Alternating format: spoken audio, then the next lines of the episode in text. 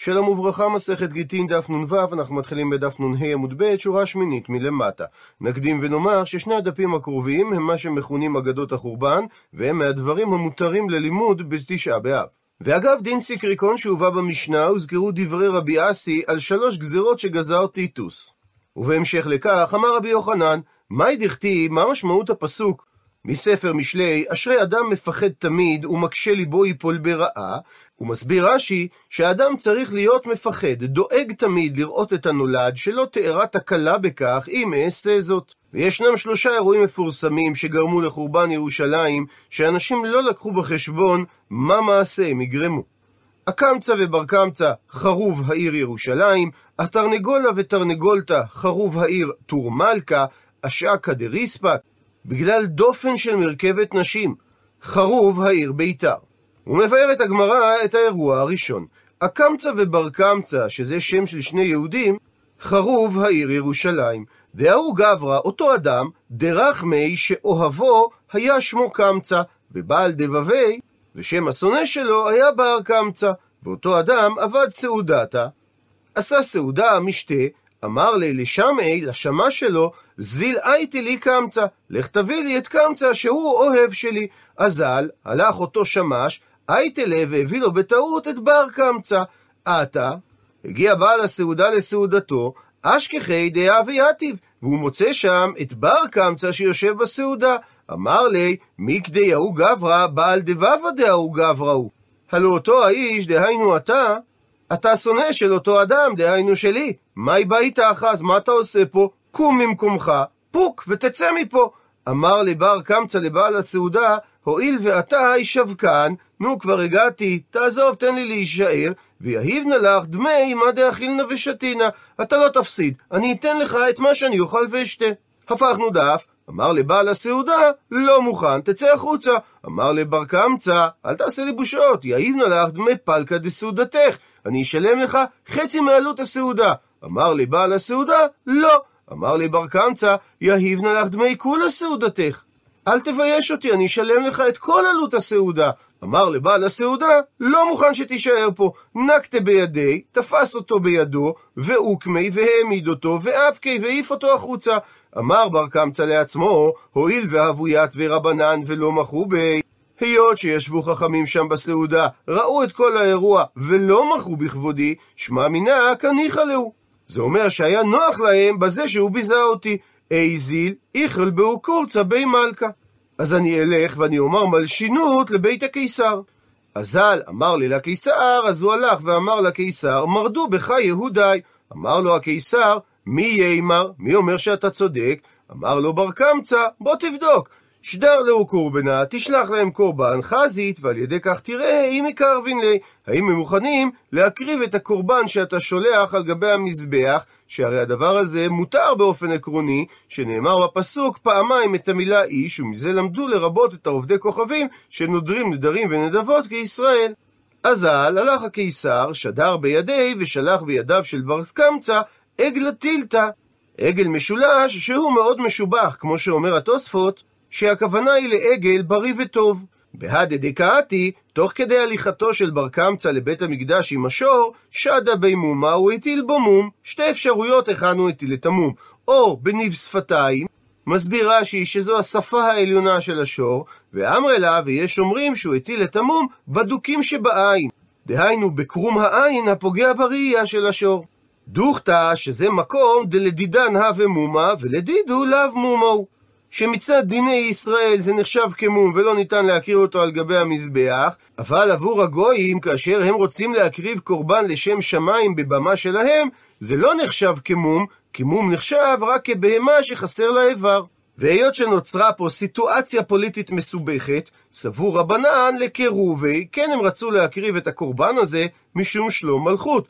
אמר לו רבי זכריה בן אבקולס, אז אם כך יאמרו שבעלי מומין קרבים לגבי מזבח, אז סבור החכמים למיקטליה, להרוג את בר קמצא דלא ליזיל ולימא, שלא ילך ויאמר חזרה לקיסר שלא הקריבו את הקורבן. אמר לו רבי זכריה, יאמרו שמטיל מום בקודשים ייהרג? שיהיו אנשים סבורים שבשביל שבר קמצא הטיל מום בקודשים, והוא עבר על האיסור של המום לא יהיה בו, לכן הוא נהרג. לימים אמר רבי יוחנן שענוותנותו של רבי זכריה בן אבקולס, הסבלנות שהוא סבל את בר קמצא ולא הרג אותו, היא זו שהחריבה את ביתנו ושרפה את היכלנו והגליתנו מארצנו. ממשיכה הגמרא ומספרת שבעקבות כך שדרי לוויו שלח הקיסר על היהודים לנירון קיסר שהיה ממונה על הצבא. כי קאתי, כשהוא מגיע לירושלים, הוא בודק את מזלו. שד הגיר על המזרח, הוא יורה חץ לכיוון מזרח, עתה נפל בירושלים. בא החץ ונפל בירושלים. אותו דבר הוא שלח למערב, עתה בא החץ ונפל בירושלים. וכך הוא עשה לארבע רוחות השמיים, וכל פעם עתה בא החץ ונפל בירושלים. בעקבות כך ממשיך נירון ומבצע בדיקה נוספת. אמר לו לינוקה, לתינוק אחד, פסוק לפסוקך. אמר להתינוק, את הפסוק מיחזקאל נקרא בפנים, ונתתי את נקמתי באדום ביד עמי ישראל, ועשו כאדום כאפי וחכמתי, וידעו את נקמתי, נאום אדוני אלוהים. שומע נירון קיסר את הדברים, אמר לעצמו, קודשא בריחו, באי לחירובי ביתי ובאי לחיפורי ידי בהוא גברא? ריבונו של עולם רוצה להחריב את ביתו, דהיינו את בית המקדש, שזו הייתה מסקנתו של נירון מהחיצים שכולם היו לכיוון ירושלים, והוא רוצה לנגב את ידיו באותו האיש, דהיינו, נירון קיסר יהיה השליח להרוס את בית המקדש, והשם יעניש אותו על כך, שזה מה שעולה מהסימן השני, מהפסוק שאמר התינוק. עשה נירון אחד ועוד אחד, ערק ואזל ויגייר, ברח מהצבא, הלך והתגייר, ונפק מיני, ובסופו של דבר יצא ממנו רבי מאיר. אבל קיסר רומא לא חוזר בו מהרצון להרוס את בית המקדש, שדרי לוויו, אז הוא שלח על היהודים לאספניאנוס קיסר. עתה בא אספניאנוס, צר עלה ועשה מצור על ירושלים תלת שעני למשך שלוש שנים. הוא מספר את הגמרא, הבו בא, והיה בירושלים באותו זמן, הנו תלתא עתירי, שלושה אנשים מאוד עשירים, נקדימון בן גוריון, ובן כלבא שבוע, ובן ציצית הכסת. הוא מבאר את הגמרא את הכינוי שהיה לכל אחד מהם. נקדימון בן גוריון נקרא כך, מפני שנקדה לו חמה בעבורו. והכוונה לסיפור במסכת תענית, שפעם אחת לא היה מים לעולי הרגלים לשתות, ונקדימון בן גוריון הלך אצל גוי אחד, ואמר לו, הלווני 12 מעיינות מים לעולי הרגלים, ואני אתן לך 12 עינות מים, ואם איני נותן לך, הרי אני נותן לך 12 כיכר כסף. וקבע לו זמן, כיוון שהגיע הזמן ולא גשמים, בשחרית שלח לו הגוי, שגר לי או מים או מעות שיש לי בידך. שלחנו נקדימון בן גוריון, עדיין יש לי זמן, כל היום כולו שלי הוא. וכך בצהריים שלח לו. וענה לו את אותה תשובה, ואז לגלג עליו אותו אדון ואמר, כל השנה כולה לא ירדו גשמים, ועכשיו ירדו גשמים. נכנס אותו גוי לבית המרחץ בשמחה, ונקדימון בן גוריון הלך לבית המקדש להתפלל, בסופו של דבר ירדו גשמים, אבל אמר הגוי, עדיין יש לי פתחון פה עליך שהוציא ממך את מעותיי, שכבר שקעה חמה וגשמים ברשותי ירדו. ואז חזר נקדימון ונכנס לבית המקדש, נתעטף ועמד בתפילה, ואמר לפניו ריבונו של עולם, הודע שיש לך אהובים בעולמך, מיד נתפזרו העמים וזרחה החמה. ועל שם כך הוא נקרא נקדימון שנקדרה חמה בעבורו. לעשיר השני קראו בן כלבא שבוע, מפני שכל הנכנס לביתו כשהוא רעב ככלב, היה יוצא כשהוא שבע. ולעשיר השלישי קראו בן ציצית הכסת, מפני שהייתה ציציתו נגררת על גבי כסתות. זאת אומרת שהוא היה הולך רק על גבי שטיחים, הריגים מאוד משובחים שהיו שמים תחתיו. איכא דאמרי, יש אומרים שמשמעות השם שהייתה כסתו, דהיינו הכיסא שלו, מוטלת בין גדולי רומי בגלל חשיבותו. אחד מאותם השירים אמר להו, אנא זיינה להו בחיטה ושערי. אני אזון את אנשי ירושלים בחיטים ושעורים, ואחד מהעשירים אמר להו, בדחמרא ובדמילכה ומשכה. אני אספק בשעת המצור יין, מלח ושמן. ואחד מאותם עשירים אמר להו, בדציבי, שהוא יספק את העצים בזמן המצור. ושיבחו רבנן לאותו עשיר שאמר שהוא יספק לדציבי את העצים. שזו ההתחייבות הנדיבה ביותר, והוכחה לדבר, דרב חיסדא, כל אקלידי הווה מסר לשמעי, את כל המפתחות של האוצרות שלו הוא היה מוסר לשמש בר מדציבי, חוץ מהמפתח של מחסני העצים. דאמר רב חיסדא, אכלבה דחיתי בי שיטן אכלבי דציבי. מחסן אחד של חיטים צריך 60 מחסנים של עצים כדי להכין אותו. ולסיכום, הווה לו למייזן, על ידי כך אותם עשירים היו יכולים לזון את אנשי ירושלים במצור למשך 21 שעתה, 21 שנים.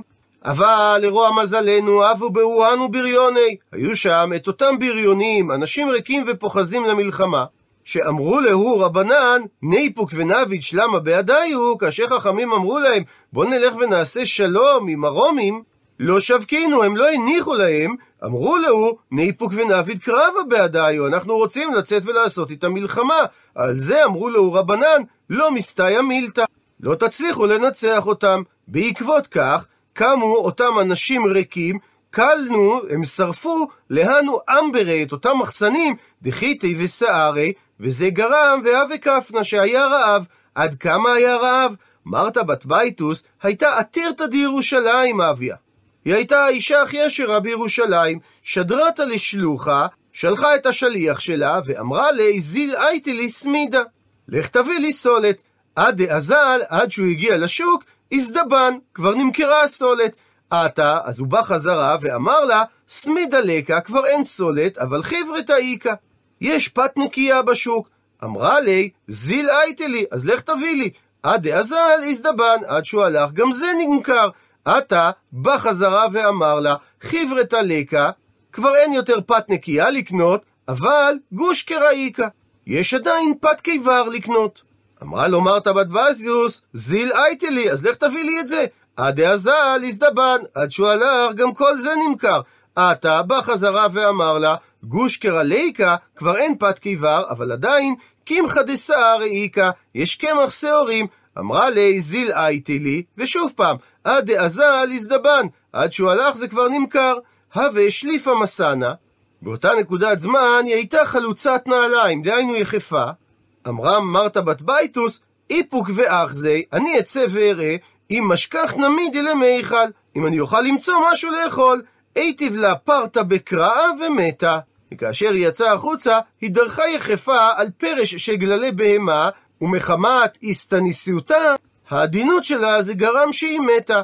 קרעי עלה רבן יוחנן בן זכאי את הפסוק, הרכה בך והענוגה, אשר לא ניסתה כף רגלה, הצגה לארץ. איכא דאמרי, יש אומרים שהיא מתה בגלל משהו אחר, גרוגרות דרבי צדוק אכלה ואית ניסה ומתה. שהיא מצאה גרוגרת שרבי צדוק מצץ את מימיה, והיא אכלה אותה לרעבונה, ומריח החולי של רבי צדוק שנכנס בגרוגרת היא טעמה ומתה, מחמת ההסתניסות שלה.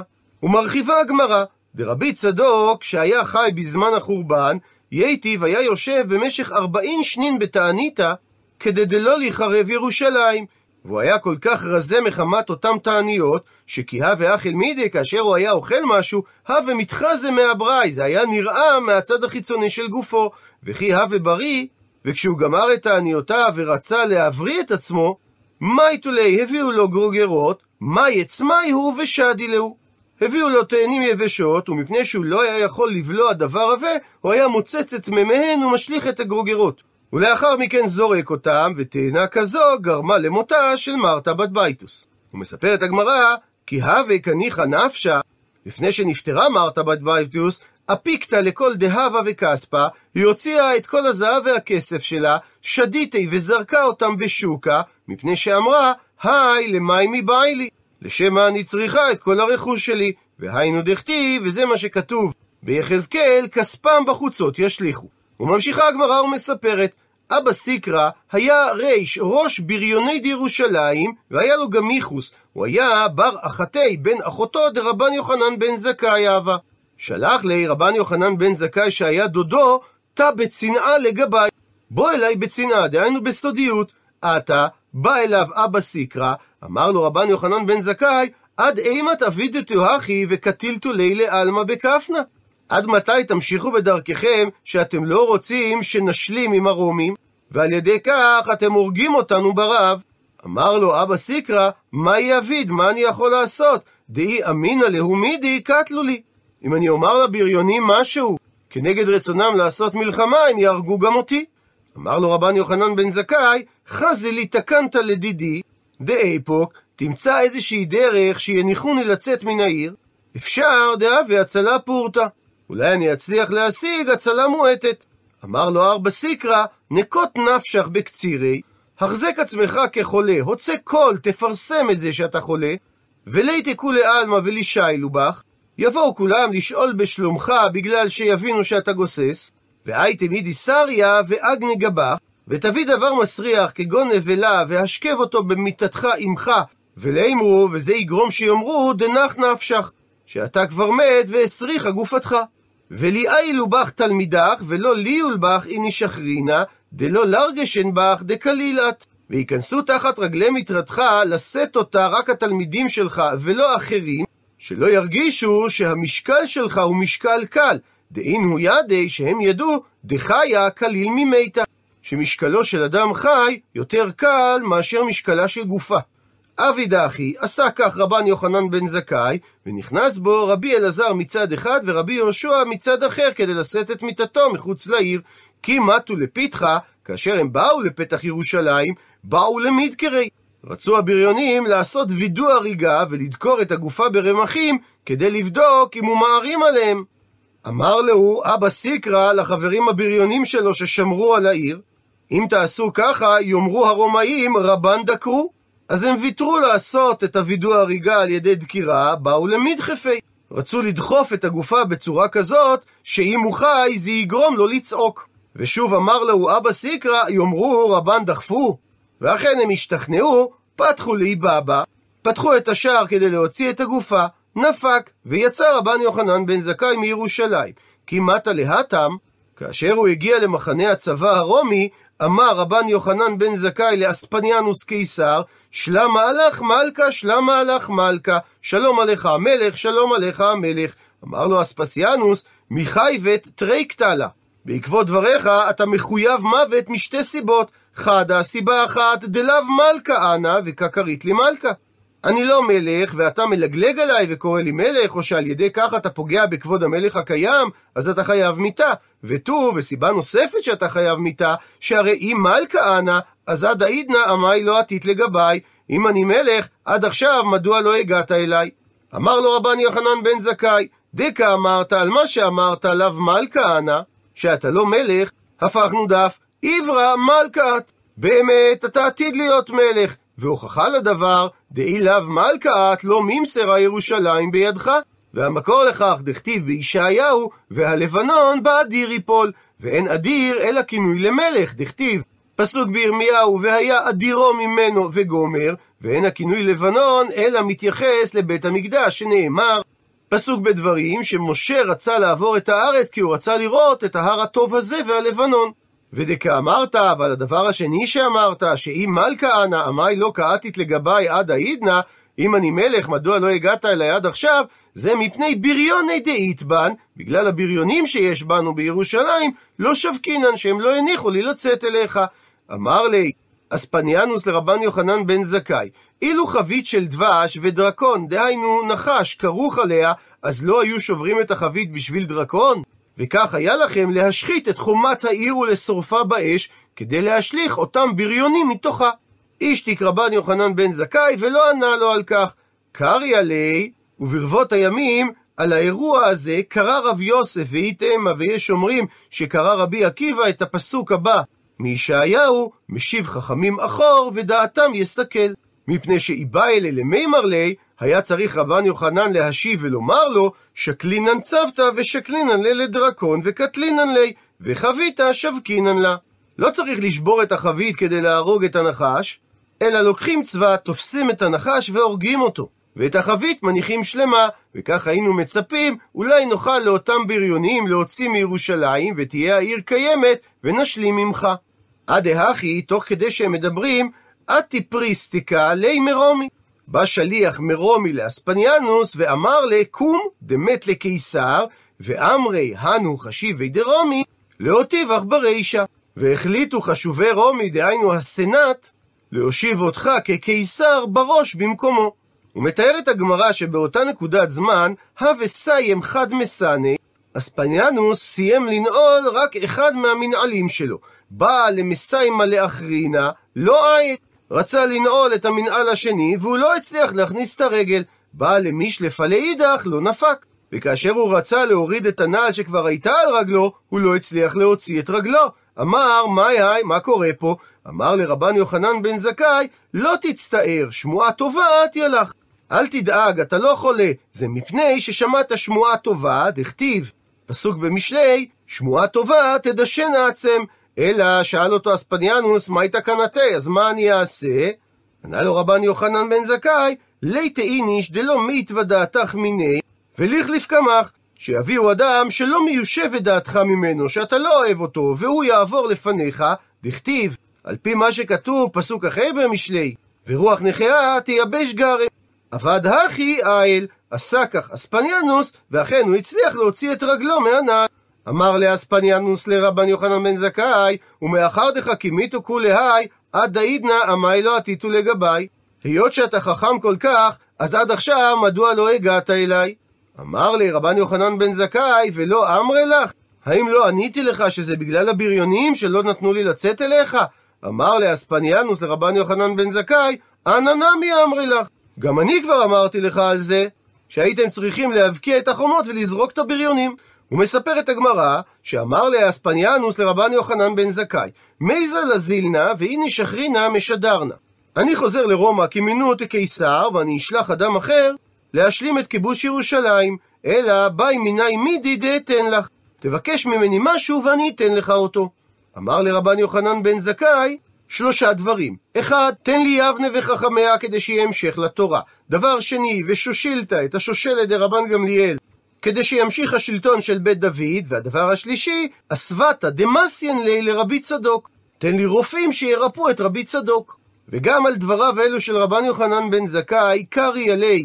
קרא עליו רבי יוסף ואיתם, ויש אומרים שקרא עליו רבי עקיבא את הפסוק משיב חכמים אחור ודעתם יסכל, שהרי איבאיה למימר לי, הוא היה צריך לומר לאספניאנוס, לשבקינו הדה זימנה, שיניח ויוותר להם את הפעם הזאת ולא יכבוש את ירושלים. ומסבירה הגמרא שרבן יוחנן בן זכאי לא ביקש את זה מפני, והוא סבר, דילמה כולהי לא אביד, והצלה פורתא נמי לא הווה. הוא חשש שבקשה כזו גדולה אספניאנוס לא יסכים, ואז אפילו הצלה מועטת לא תהיה לעם ישראל. ומרחיבה הגמרא, אסוותא דמסינא לרבי צדוק, מהי? באיזה אופן ריפו הרופאים את רבי צדוק? יומא קמא אשקיוה מרא דפרי, ביום הראשון השקו אותו מים שהם אישרו בתוכם סובין, למחר ביום השני השקו אותו מאיה דסיפוקה, מים שהם אישרו בהם סובין גסין וקמח, למחר, ביום השלישי, השקו אותו מאיה דקמחה, מים שעיבו אותם על ידי ששמו בהם קבח, וככה עד דרווח מעי פורתא פורתא, עד שלאט לאט התרחבו המעיים שלו. וממשיכה הגמרא ומספרת, אזל, לך אספניאנוס לרומי, שדרי לטיטוס הרשע, ושלח חזרה את טיטוס כדי שהוא יכבוש את ירושלים. ואומרת הגמרא שמה שנאמר בספר דברים, ואמר אלוהימו צור חסיו בו, זה מתייחס לטיטוס הרשע, שחירף וגידף כלפי מעלה. מה עשה? תפס זונה בידו ונכנס לבית קודשי הקודשים, והציע תחתיהם ספר תורה, ועבר עליה עבירה עם אותה זונה, ונטל סייף וגידר, דהיינו, חתך את הפרוכת. ונעשה נס, והיה דם מבצבץ ויוצא מהפרוכת.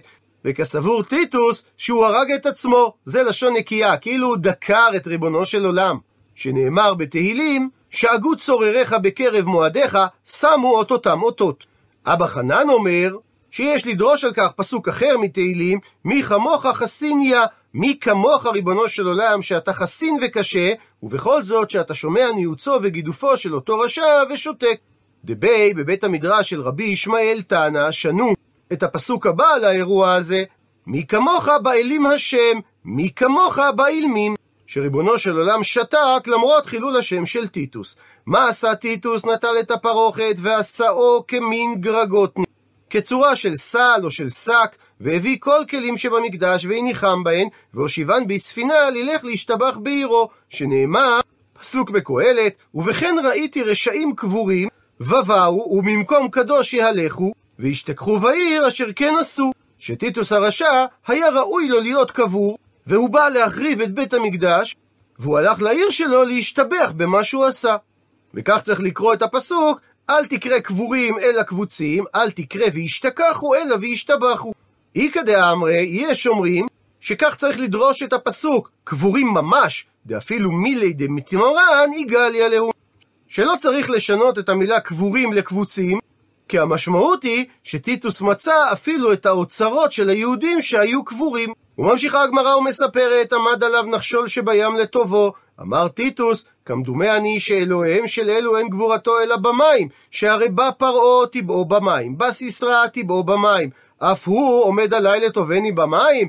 אם גיבור הוא יעלה ליבשה ויעשה עמי מלחמה. יצתה בת קול ואמרה לו, נו באמת, רשע בן רשע בן בנו של עשו הרשע, בריאה קלה יש לי בעולמי ויתוש מה. ועמי קרעי לי, ומדוע מכנים אותה בריאה קלה? דמעל נאית לה, ומפק נלט לה. שיש ליתוש פתח שדרכו הוא מכניס את האוכל, אבל אין לו פתח להוציא את האוכל. ואמרה הבת קול, עלה טיטוס ליבשה, ותעשה עמה, עם היתוש מלחמה. עלה ליבשה, בא יתוש ונכנס בחותמו וניקר במוחו שבע שנים. יום אחד, הווה כחליף אבבא דבנפחא, הוא עבר לפני פתח של נפח, שמע קל ארזפתא אישתיק. וכאשר היתוש שמע את כל הפטיש של הנפח מכה על הסדן, הוא השתתק. אמר טיטוס, איכא תקנת. יש תקנה לחור בראש שהיתוש עושה לי. אז כל יומא מאי תונפחא ומחו קמי. כל יום הביאו נפח אחר שיקל לפניו. לנוכרי יהיב לארבע זוזי, אם זה היה נפח גוי, הוא שילם לו ארבעה זוזים, ואם זה היה נפח לישראל, אמר לי טיטוס, מסתייך דכחזית בשנאך. אני לא משלם לך, מספיק שאתה רואה בסבל של השונא שלך. מספרת הגמרא, עד תלתין יומין עבד האחי, עד שלושים יומים הם עשו את העצה הזאת עם הנפח, אבל מכאן ואילך, כיוון דדש, דש. כיוון שהתרגל היתוש לרש, הוא המשיך לנקר במוחו של טיטוס. תניא, שנינו בברייתא שאמר רבי פנחס בן ערובה, אני הייתי בין גדולי רומי, וכשמת טיטוס פצעו את מוחו ומצאו בו כציפור דרור משקל שני סלעים. במתניתא תנא, בברייתא אחרת שנו, שכגוזל בן שנה משקל שני ליטרין מצאו במוחו. אמר אביי, נקטינן, מסורת בידינו, שפיו של אותו יתוש של נחושת וציפורניו של ברזל. ומספרת הגמרא, כי הוה קמיית, כאשר גסס טיטוס ועמד למות, אמר להו, לאנשים סביבו, לקלויי לההוא גברא, שישרפו את גופתו, ולבדרי לקיטמיה, ויפזרו את האפר, אשב ימי, על שבע ימים, על מנת דלא לשכחיה אלהא דיהודאי, כדי שלא ימצא אותו אלוהי היהודים, ולוקמיה בדינא, ויעמיד אותו בדין. ומספרת הגמרא, שאונקלוס בר קלוניקוס בר אחתיה הוה, הוא היה בן אחותו, האחיין של טיטוס, בעי לאיגיורי, והוא רצה להתגייר, אזל אסקיה לטיטוס בנגידא. הוא העלה את טיטוס שכבר מת באוב, אמר ליה ושאל אותו, מאן חשיב בההוא עלמא? מי חשוב בעולם הבא? אמר לטיטוס, ישראל הם החשובים. שאל אותו אונקלוס, מהו לאידבוקי בהו? האם אתה מייעץ לי להידבק בהם, להתגייר? אמר לטיטוס, מילה יו נפישין ולא מצית לקיומינו. זה אולי רעיון טוב, אבל המצוות שלהם מרובות ואתה לא תצליח לקיימם. ולכן, זיל איגרה בהו, לך תתגרה בהם בהוא עלמא, בעולם הזה, ועל ידי כך והבית רישא. אתה תהיה לראש, דהיינו למנהיג, והמקור לכך דכתיב, היו צריה לראש. שמזה דרשו שכל המיצר לישראל נעשה ראש.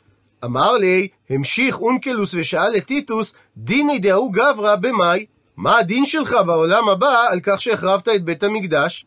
אמר לו טיטוס, הפכנו דף, במאי דפסיקה נפשי. מענישים אותי במה שאני פסקתי על עצמי, לשרוף את הגופה ולפזר את עפרי. שכל יומא מחנשי ללקיטמי, אוספים את האפר שלי ודייני לי, ודנים אותי, וקלו לי ומבדרו אשב ימי, ושורפים אותי ומפזרים את האפר על שבעה ימים. המשיך אונקלוס, אזל אסקה לבלעם בנגידה, העלה את בלעם באוב, אמר לי ושאל אותו, מן חשיב בההוא עלמא? מי הם החשובים בעולם האמת? אמר לו בלעם, ישראל הם החשובים. שאל אותו אונקלוס, מהו להידבוקי בהו? האם אתה ממליץ לי להתגייר ולהידבק בהם? אמר לו בלעם, מעין לשון הפסוק בדברים, לא תדרוש שלומם וטובתם כל הימים. אמר לי, המשיך אונקלוס ושאל את בלעם, דיני דהוא גברא במאי, במה דנים אותך בעולם הבא? אמר לו, בשכבת זרע רותחת. הוא מסביר רש"י שזו מידה כנגד מידה, שהרי בעצתו של בלעם התחיל העם לזנות אל בנות מואב. המשיך אונקלוס, אזל אסקי בנגידה לפושעי ישראל. הוא העלה באוב גם פושע ישראל, ומסורת הש"ס מביא את הגרסה שצונזרה שהכוונה לישו. וזה נכתב בראשי תיבות, יימח שמו וזכרו. אמר לי, שאל אותו אונקלוס, מן חשיב בהוא עלמא? אמר לו ישו ישראל. שאל אותו אונקלוס, מהו להידבוקי בהו? האם אתה ממליץ לי להידבק בהם, דהיינו להתגייר? אמר לו ישו, טובתם דרוש, רעתם לא תדרוש. מדוע? שכל הנוגע בהם כאילו נוגע בבבת עינו של ריבונו של עולם. אמר לה, המשיך אונקלוס ושאל אותו, דיני דהוא גברא במאי, במה דנים אותך? אמר לו, בצוער או תחת. והסיבה לדבר, דאמר מר, שכל המלעיג על דברי חכמים נידון בצוער או תחת. הוא מסכם את הגמרא, תחזי, בוא תראה מה ההבדל בין פושעי ישראל לנביאי אומות העולם שהם עובדי עבודה זרה. שבלעם, שהשכינה נגלתה עליו, והוא הרשיע לדבר, שאמר לאונקלוס לא לדרוש בשלומם וטובתם של ישראל כל הימים, לעומת פושעי ישראל שאמר לו טובתם דרוש, רעתם לא תדרוש. הוא מסיים את הגמרא, את החלק הזה לגבי קמצא ובר קמצא, תניא שנינו בברייתא, אמר רבי אלעזר, בואו ראה כמה גדולה כוחה של בושה, שהרי סייע הקדוש ברוך הוא את בר קמצא, והחריב את ביתו, ושרף את היכלו. עד לכאן דף נ"ז, למעוניינים בהרחבה, הזכירה הגמרא את תשובתו של טיטוס לאונקלוס אחיינו, שעונשו בעולם הבא, ששורפים את גופתו כל יום, אוספים את האפר ומפזרים אותו על שבעת הימים, כפי שהוא עצמו הורה לעשות בגופתו. וזה מזכיר את נקמתה של מדינת ישראל בצורר היהודים אדולף אייכמן, בתום מלחמת העולם השנייה, בדומה לאנשי אס אס אחרים, ברח אדולף אייכמן בסיוע הוותיקן לארגנטינה וחי בה עם משפחתו. במאי 1960 נלכד אייכמן בידי סוכנים ישראלים, הובא לישראל ונמסר למשטרתה. ב-23 במאי 1960 הודיע ראש ממשלת ישראל דוד בן גוריון בישיבת הכנסת כי אדולף אייכמן נמצא בארץ ויעמוד בקרוב למשפט. משפט אייכמן נערך בירושלים, נמשך כשנה, אייכמן נמצא אשם והוצא להורג בראשון ביוני 1962, וכך נכתב בעיתון למרחב. שריפת גופתו של אייכמן בוצעה בהתאם להחלטת נציב שירות בתי הסוהר, לאחר שהוסמך לכך על ידי הממשלה, לפי תקנה חדשה שהותקנה ערב ההוצאה להורג. גם בצוואתו ביקש אייכמן בין היתר לשרוף את גופתו. פיזור אפרו של הצורר בים נעשה בהתאם לתקדים של משפטי נירנברג, שם נהגו בדרך דומה בגופותיהם של פושעי המלחמה הנאצים. ביום ו', סמוך לשעה 4 בבוקר, יצאה ספינת משמר של משטרת ישראל מנמן יפו, כשעל סיפונה נציב שירות בתי הסוהר והכד שהכיל את אפרו של אייכמן. בשעה 4.35, משהגיעה הספינה אל מחוץ לתחום המים הטריטוריאליים של ישראל, פוזר האפר על פני הים. כל הפעולה הזאת, שארכה כארבע וחצי שעות, נסתיימה סמוך לשעה חמש בבוקר, והייתה אפופה סודיות רבה. אנשי הספינה לא ידעו את תפקידם עד להפלגה מנמל יפו, הספינה עצמה קיבלה פקודה לעבור מחיפה ליפו רק בליל ההוצאה להורג.